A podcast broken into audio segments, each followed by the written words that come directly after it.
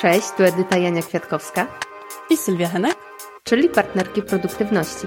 W tym podcaście dzielimy się sposobami, jak pracować i działać efektywniej. Jak uwalniać czas i wprowadzać zmiany, o których od zawsze marzyłyśmy.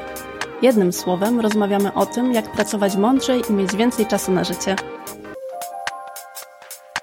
Dzień dobry. Cześć, dzień dobry. Dzisiaj kontynuujemy temat zmiany. Poprzednim odcinku opowiadałyśmy o tym, w jaki sposób rozpoznać, że w ogóle potrzebujemy tej zmiany. To jest w dalszym ciągu nawiązanie do tematyki zmiany, która się od początku naszego podcastu przewija. Mogliście usłyszeć w trzecim i czwartym y, odcinku historię naszych zmian, które cały czas y, wdrażamy.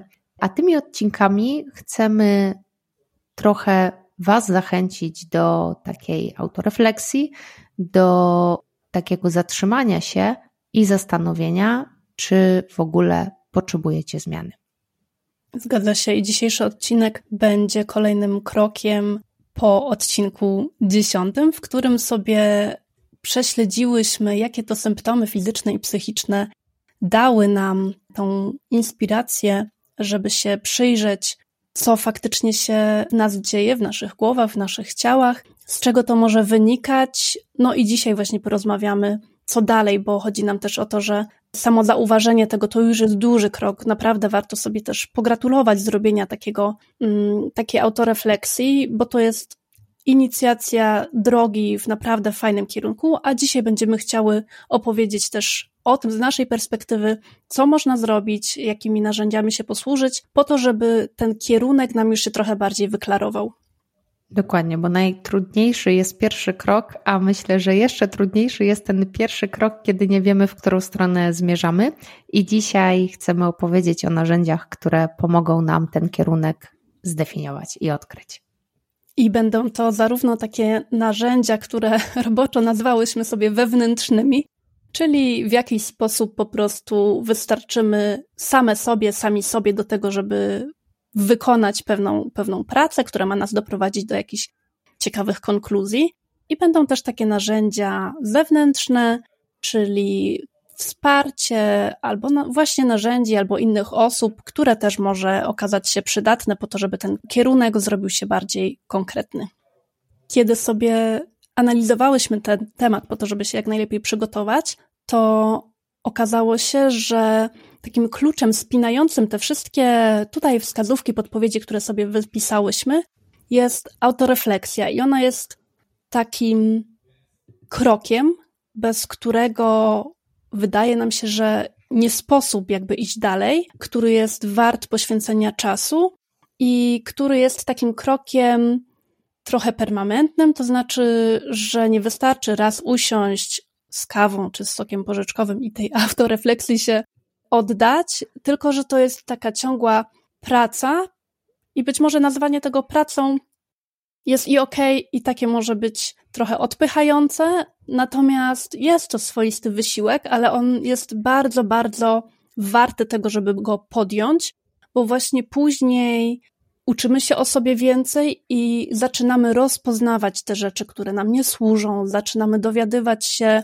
o sobie takich różnych, właśnie zaczynamy o sobie zbierać tak konkretne informacje, które pomagają nam ten dalszy kierunek jak najlepiej sobie mm, wypracować. Bo kiedy my tak trochę idziemy znowu w tempie życia, nie zastanawiamy się nad tym, co my naprawdę chcemy, co naprawdę lubimy, w czym jesteśmy dobrzy. Kiedy nie poświęcamy czasu na taką obserwację siebie, to możemy próbować różnych rzeczy, możemy też wpadać w takie kolejny, które nam ktoś inny przygotował i idziemy w nich trochę tak bezmyślnie.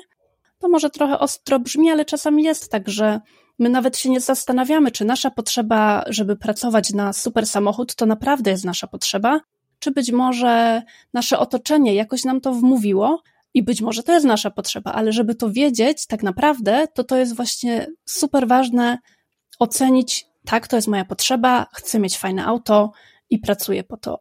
Żeby po prostu nie dać się czasami tak wysterować, e, jeśli chodzi o te, mm, te nasze cele życiowe, i żeby się po, po wielu latach czasem nie okazało, że one nie, nie były tak naprawdę nasze i dlatego my jesteśmy w gruncie rzeczy nieszczęśliwi, bo dążyliśmy do czegoś, co nam nie sprawia satysfakcji i radości. To ja tutaj tylko dodam, bo y, uruchomiło mnie to, co powiedziałaś o tych wielu latach, że ja zawsze miałam takie przeświadczenie, że szukam tego swojego miejsca i, i, chciałabym znaleźć y, właśnie rzecz, którą będę robić i która będzie tak w stu procentach ze mną rezonować. I tak sobie zawsze myślałam, że nawet mogę spędzić całe życie, żeby tego szukać, ale ta przyjemność z tego, że przez ten krótki czas, czy nawet nie wiem, przez kilka lat będziesz robić coś, co naprawdę lubisz, co, co, co kochasz, co jest właśnie taką Twoją rzeczą,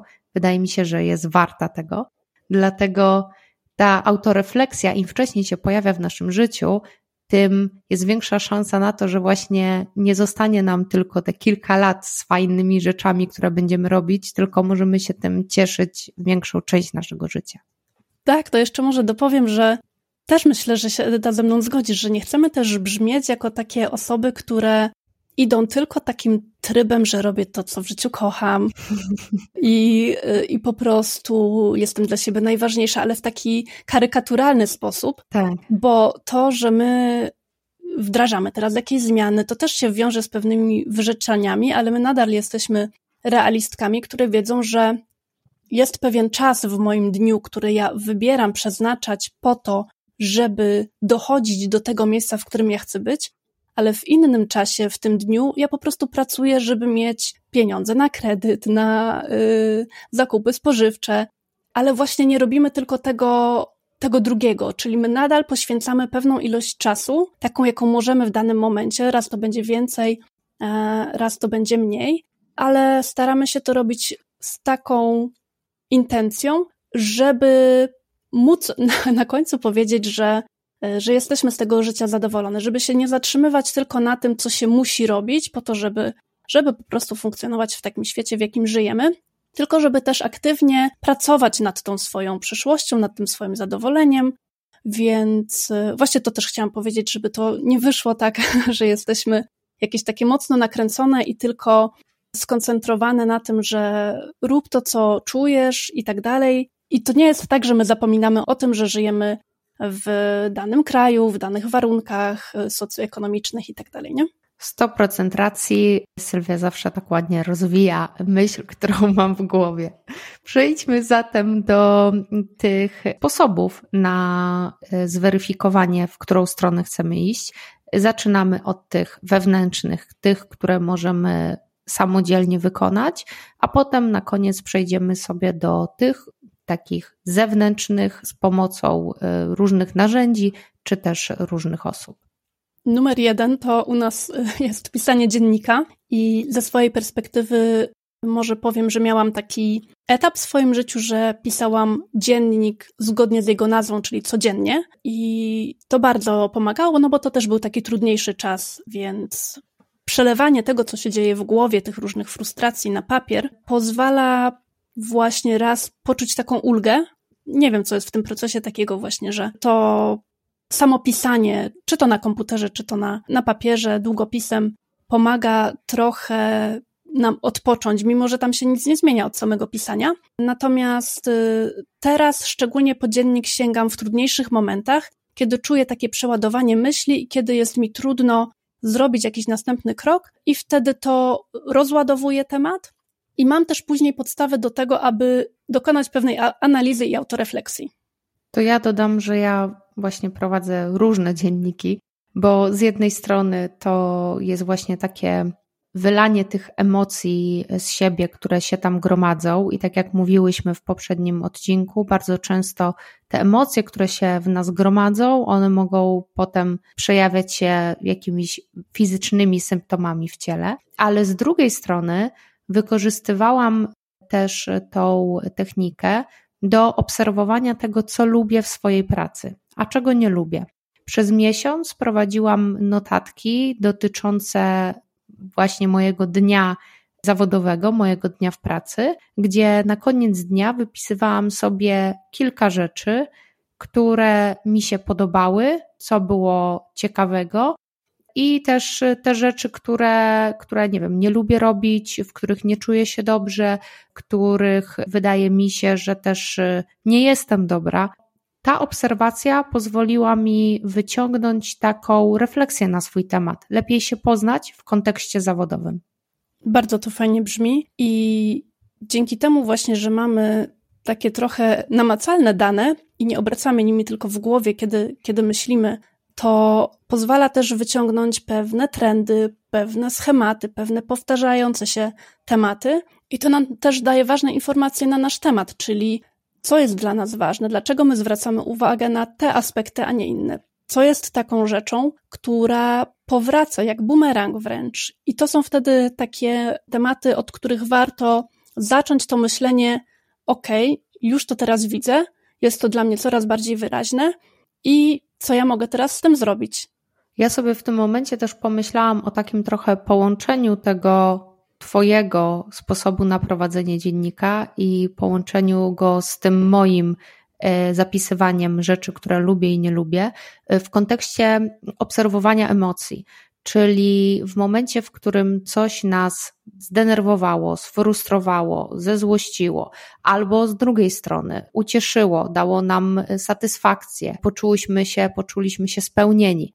Warto jest sobie zapisać tą sytuację i zastanowić się, co było tego przyczyną. Jakie nasze zachowanie do tego doprowadziło, albo jakie zachowanie z drugiej strony do tego doprowadziło i z kolei co w nas uruchomiło. Czyli popatrzenie po prostu na swoje emocje jako na wskazówkę do tego, kim jesteśmy. Tak, jeśli chodzi o emocje, to przypomina mi się coś, co powiedziała kiedyś moja terapeutka i co było dla mnie tak odkrywcze i tak niesamowite i tak fajne, z czym się nigdy wcześniej w ciągu tam chyba wtedy 30 paru lat nie spotkałam i dotyczyło emocji zazdrości, bo zazdrość nam się kojarzy z taką bardzo niefajną emocją. Jak ktoś zazdrości, to, to o nim źle świadczy, bo nie powinno się zazdrościć, tak się nas przecież od dziecka uczy. Natomiast ja usłyszałam wtedy, że zazdrość jest zawsze o mnie, to znaczy jeśli ja komuś czegoś zazdroszczę, to zawsze odbieram to jako informację, co to mówi o mnie. Jeśli obserwuję kogoś, dajmy na to na Instagramie, patrzę, jakie ma wspaniałe życie, że jest taka cecha, taka cecha, taka cecha, która wzbudza we mnie tą emocję zazdrości, to co mi to mówi o mnie? Czyli. Czego chcę więcej? Tak, czego chcę więcej, czego ja bym chciała, czego czuję, że nie mam, a do czego mnie ciągnie. I to jest tak pomocne, właśnie, żeby sobie w taki sposób emocje analizować. One niosą ogromny taki walor informacyjny o nas, że naprawdę ja też już się teraz z tym zgadzam, że nie ma czegoś takiego jak złe emocje, bo to zawsze jest informacja taka bądź inna. One są trudne. E, właśnie zazdrość, jakiś gniew. To są takie emocje, które są e, no nieprzyjemne, natomiast one bardzo dużo nam o nas mówią, pokazują nam, jakie są ważne aspekty życia dla nas i też później właśnie mogą być takie kreatywne w tym sensie, że mogą nam uruchomić takie myślenie, ok, jak ja zazdroszczę tego, to co ja mogę w tym momencie zrobić, żeby mieć tego więcej? I czy to może być właśnie y, w takich kategoriach, na jakie ja patrzę na tym na przykład Instagramie, czy może są jakieś inne sposoby na to, inne jakości, żeby sobie tą potrzebą bardziej zaopiekować, ale na mój sposób. I po prostu to jest właśnie już teraz taka autorefleksja, analiza, e, takie kombinowanie, a z tego naprawdę bardzo fajne rzeczy wychodzą. I wydaje mi się, że kluczowe w tym wszystkim jest to, żeby to zapisać, bo oczywiście też takie mm, zastanowienie się nad tym, czy porozmawianie z kimś na pewno też nam coś da, tylko że to się nie utrwali. W momencie, w którym to zapisujemy, zawsze możemy do tego wrócić po czasie, popatrzeć na to z chłodniejszą głową, zweryfikować, czy nasza wstępna ocena, którą dokonaliśmy, na przykład w kontekście tych emocji, tego, że zdenerwowała mnie konkretna sytuacja, dlatego i dlatego. Czy ta ocena dalej będzie aktualna? Bo może się okazać, że po czasie e, dojdziemy do wniosku, że zupełnie co innego nas zdenerwowało tak realnie. Więc e, taka obserwacja i nawet zrobienie sobie takiego, nie wiem, miesiąca obserwacji, czy też krótszego czasu, będzie na pewno pomocne do lepszego poznania siebie i dowiedzenia się o sobie takich konkretów w kontekście funkcjonowania. Dokładnie tak. My to nadal praktykujemy i polecamy. Cały czas.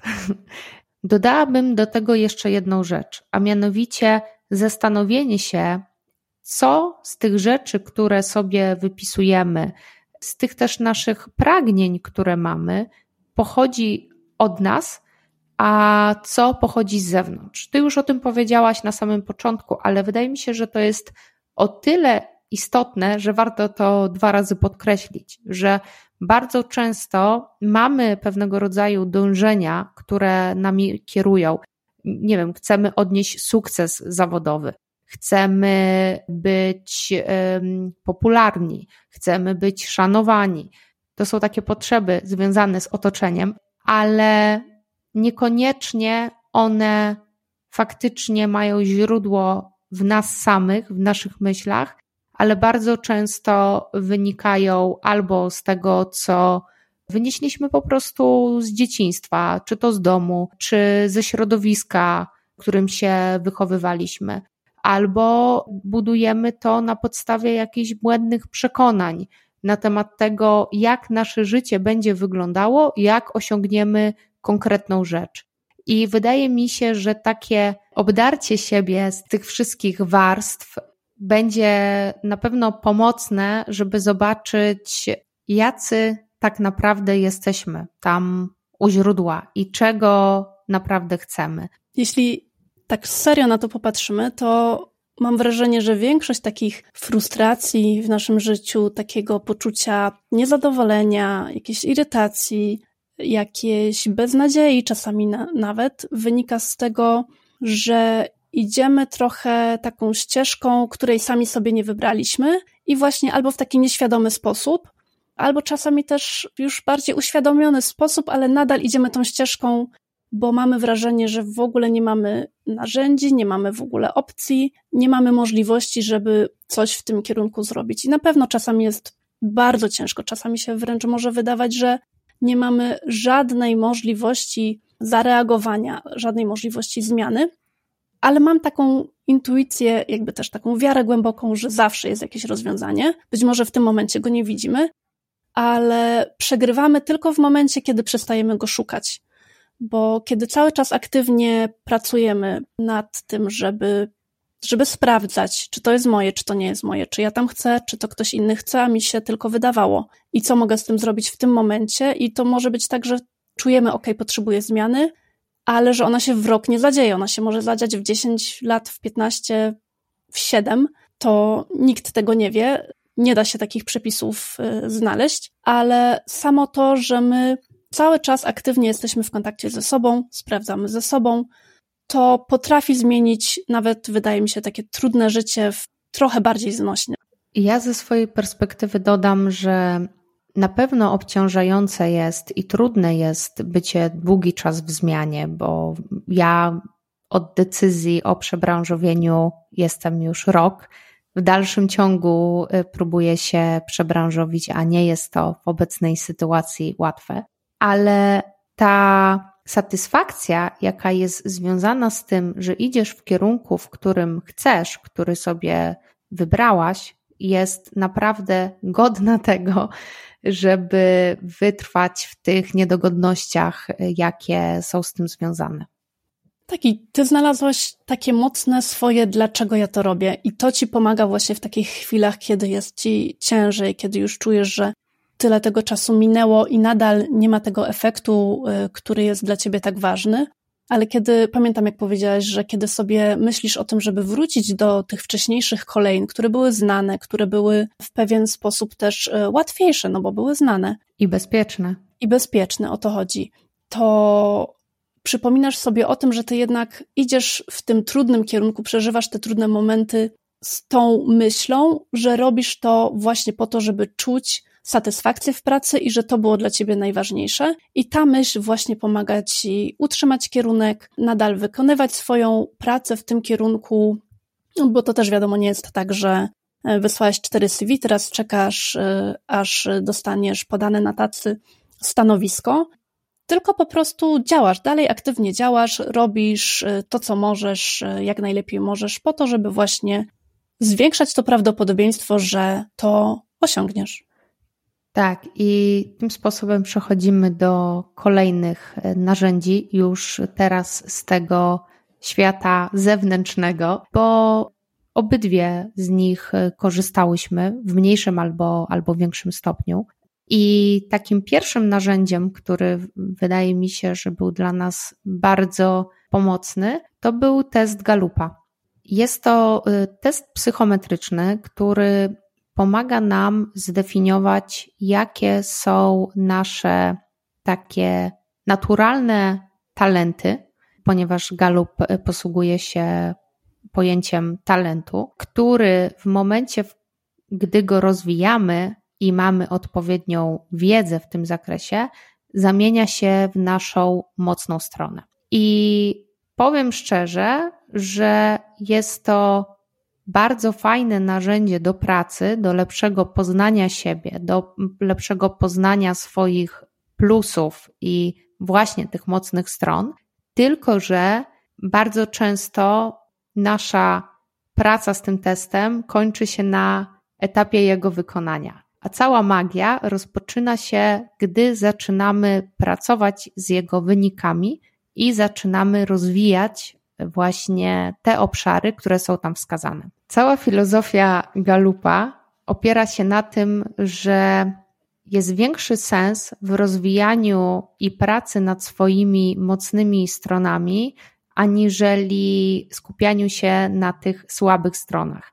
To było dla mnie takie duże odkrycie, ponieważ ja całe życie pracowałam nad próbą podniesienia swoich słabych stron i, i cały czas się męczyłam w zasadzie robiąc to, ponieważ miałam naturalną blokadę przed tym. I w momencie, w którym sobie uświadomiłam, że lepiej jest inwestować w to, w czym jesteśmy naturalnie dobrzy, aniżeli tracić czas na to, w czym i tak będziemy słabi, to było takie bardzo przyjemne odkrycie. Więc ten test Galupa to jest narzędzie, które będzie takim początkiem do właśnie pracy nad sobą.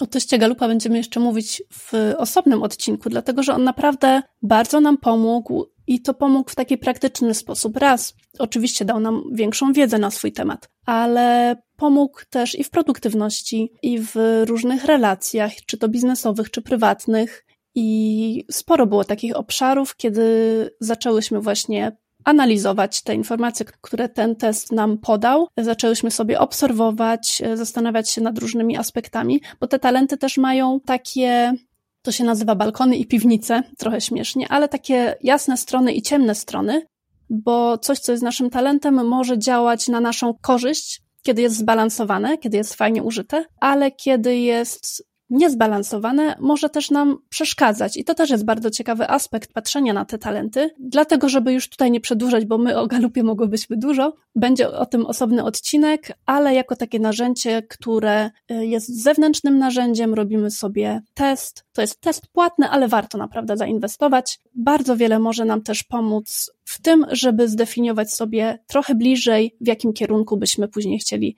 podążać w zmianie, jeśli tak wybieramy. Alternatywą bezpłatną, a może w zasadzie będzie nas kosztować tyle, co, co kawa, czy też kieliszek wina, jest porozmawianie z przyjaciółmi, z przyjaciółmi, znajomymi, osobami z pracy. I zapytanie ich, co uważają na nasz temat w kontekście naszych mocnych stron, w czym widzą, że jesteśmy dobrzy, z czym sobie radzimy i porozmawianie z nimi, jakie widzą nasze mocne strony, w czym uważają, że jesteśmy dobrzy, w czym uważają, że się wyróżniamy. Dzięki ich perspektywie jesteśmy w stanie zobaczyć bardziej bogaty obraz siebie. Jesteśmy w stanie otrzymać informacje, których nie weźmiemy ze swojej głowy, bo to jest y, obraz z zewnątrz, ale może to być bardzo pomocne do takiego świeżego spojrzenia na, na siebie i na swoje mocne strony. Nie pamiętam, robiłam kiedyś takie ekscytujące ćwiczenie. Właśnie ono było chyba w ramach jakiegoś kursu czy coachingu, już nie pamiętam. I napisałam wtedy maila do kilku osób z mojej pracy z takim pytaniem o to, jak oceniają właśnie, w czym jestem dobra. Z ich perspektywy po prostu.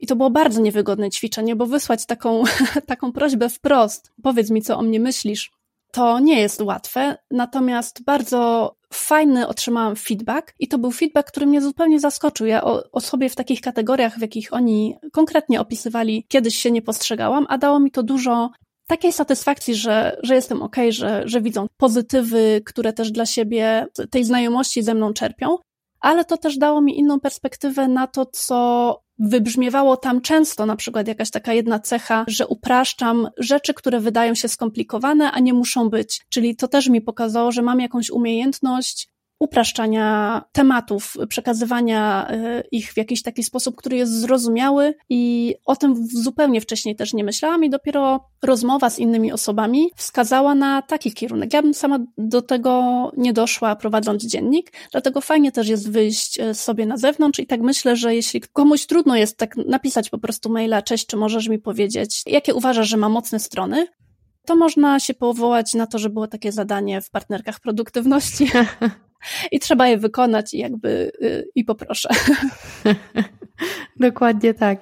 To jest całkiem do, dobry tip na wykonanie tego ćwiczenia. Na koniec y, myślę, że możemy powiedzieć jeszcze o jednej zewnętrznej pomocy, a mianowicie o pomocy coacha, z którym będziemy mogli pracować nad konkretnymi rzeczami w naszym obszarze zawodowym albo o pomocy terapeuty, który może nam pomóc, jeżeli ten problem, który w nas tkwi, ma jakieś głębsze źródło. Tak, ja mogę ze swojej perspektywy powiedzieć, że i jedni specjaliści i drudzy specjaliści naprawdę bardzo wiele wnoszą i też właśnie myślę, że mówiąc o tym w podcaście, chciałybyśmy się przyczynić do tego, żeby aż tak długo się czasami nie zastanawiać, czy warto sięgnąć, czy nie. Po prostu też przetestować to, a nuż będą to właśnie takie kontakty, takie relacje, które pomogą nam w, w aktywnym działaniu na rzecz swojego lepszego życia w przyszłości. Dokładnie. Mamy dla Was też dwie polecajki książkowe, które mogą Wam pomóc w tym procesie zmiany. Pierwsza z nich to jest książka, która będzie przydatna w momencie, w którym zastanawiacie się nad zmianą zawodową, nad tym, w którą stronę iść. To jest taki przewodnik, który pomoże Wam w procesie zmiany. To, co mi się podobało w tej książce, to jest to, że ona prowadzi nas od samego początku, czyli od momentu, w którym właśnie definiujemy, że coś jest nie tak, poprzez zdefiniowanie, w którą stronę chcemy iść, poprzez kroki pierwsze, które mamy podjąć, aż do momentu, gdy inicjujemy tą zmianę i, i zaczynamy ją już e, mieć w swoim życiu na co dzień. I ta książka nazywa się Reinventing You, Define Your Brand, Imagine Your Future, Dory Clark.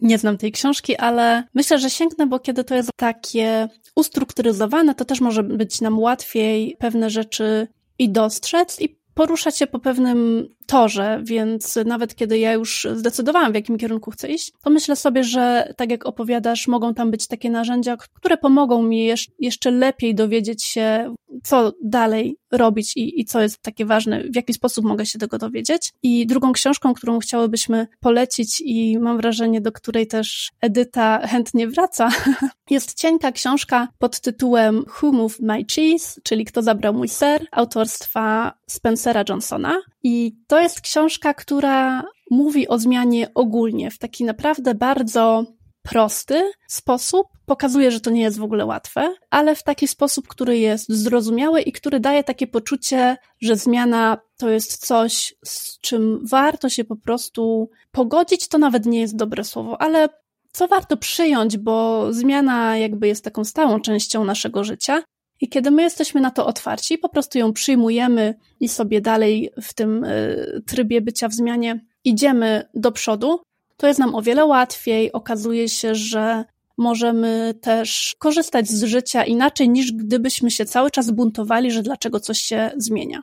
Dla mnie ta książka to jest taka super motywacja do bycia w zmianie i do tej odwagi, która się wiąże z tą zmianą. Więc jeżeli jesteście w takim punkcie, że czujecie, że trochę nie macie tej odwagi, to zdecydowanie ją polecam. Spokojnie możecie ją przeczytać nawet chyba w kilka godzin, bo ona jest tak cieniutka. A myślę, że da Wam taką nadzieję, inspirację i moc do, do zrobienia tego pierwszego kroku. Absolutnie, zdecydowanie. I jeszcze taka podpowiedź od Edyty. Chciałaś się podzielić Twoją perspektywą na, na zmianę, czyli żeby stworzyć sobie też um, taką okazję do wypróbowania nowych rzeczy w danej sytuacji, prawda? Tak, to jest taka rzecz, którą możemy wypróbować w momencie, gdy już mamy nakreślony kierunek, w którym chcemy zmierzać, ale jeszcze nie do końca jesteśmy na 100% przekonani, że to jest to. Więc chodzi o to, żeby sobie w miejscu, w którym obecnie jesteśmy, stworzyć warunki do spróbowania tego. Czy to jest praca, czy to jest e, życie prywatne, po prostu zaaranżujmy sobie taki, takie pole testowe, w którym będziemy sobie sprawdzać, czy te nowe rzeczy nam pasują. Czyli tak konkretniej masz na myśli, że jeśli jesteśmy w pracy i chcielibyśmy mieć więcej kontaktu z klientami, a siedzimy na przykład w biurze i bardziej jest to praca jakaś taka po prostu przed komputerem bez kontaktu z ludźmi, no to możemy pójść do szefa i powiedzieć, że chcielibyśmy sprawdzić się też w kontakcie z klientem, bo uważamy, że to może być też coś, co będzie dobre i dla nas, i dla firmy. I czy nie znalazłaby się jakaś możliwość, gdzie moglibyśmy ten temat wprowadzić na jakiś czas, po to, żeby sprawdzić, jak to się sprawdzi. Ja na swoim przykładzie mogę dodać, że tak samo robiłam z rozpoznaniem, czy chcę być Scrum Masterem. Do swojej obecnej pracy zaimplementowałam Scrama i sprawdzałam, w jaki sposób się czuję ze stosowaniem tych różnych rozwiązań. Czyli stosowałaś Scrama do pracy prawniczki. Tak jest i testowałaś, czy ci to pasuje. No właśnie o ten poziom konkretu nam chodzi, że zawsze można pomyśleć, czy w naszej obecnej sytuacji jest jakiś sposób na zrobienie takiego pilotażu tego tematu, który wydaje nam się, że nas kręci, bo to może być też tak, że mamy pewien obraz na przykład takiego skrama i jednak to nie jest coś, co ostatecznie faktycznie nam się podoba, więc takiego różnego rodzaju testy znowu dają nam informację zwrotną, i znowu pozwalają nam korygować ten, ten kierunek i szukać dalej. To by było na tyle. Mamy nadzieję, że któryś z tych pomysłów wykorzystacie dla siebie. To też nie chodzi o to, że macie teraz wszystko naraz wykorzystywać. Fajnie jest zacząć od jednej rzeczy i dlatego w naszym zadaniu pododcinkowym zachęcamy Was, żeby przez najbliższy tydzień lub dłużej, jeżeli będziecie chcieli, zapisywać, co lubicie robić, a czego nie za bardzo. W czym jesteście dobrzy, co Wam sprawia frajdę, a czego z kolei nie lubicie. To będzie taki dobry pierwszy krok do tego, żeby wprowadzać tą autorefleksję do swojego życia. Właśnie tak i zapraszamy Was oczywiście do subskrybowania naszego podcastu jeśli macie ochotę pogadać, to wpadnijcie też do nas na Instagram, na profil Partnerki Produktywności, a tymczasem życzymy Wam dobrego dnia i do następnego odcinka. Do usłyszenia, papa. Pa.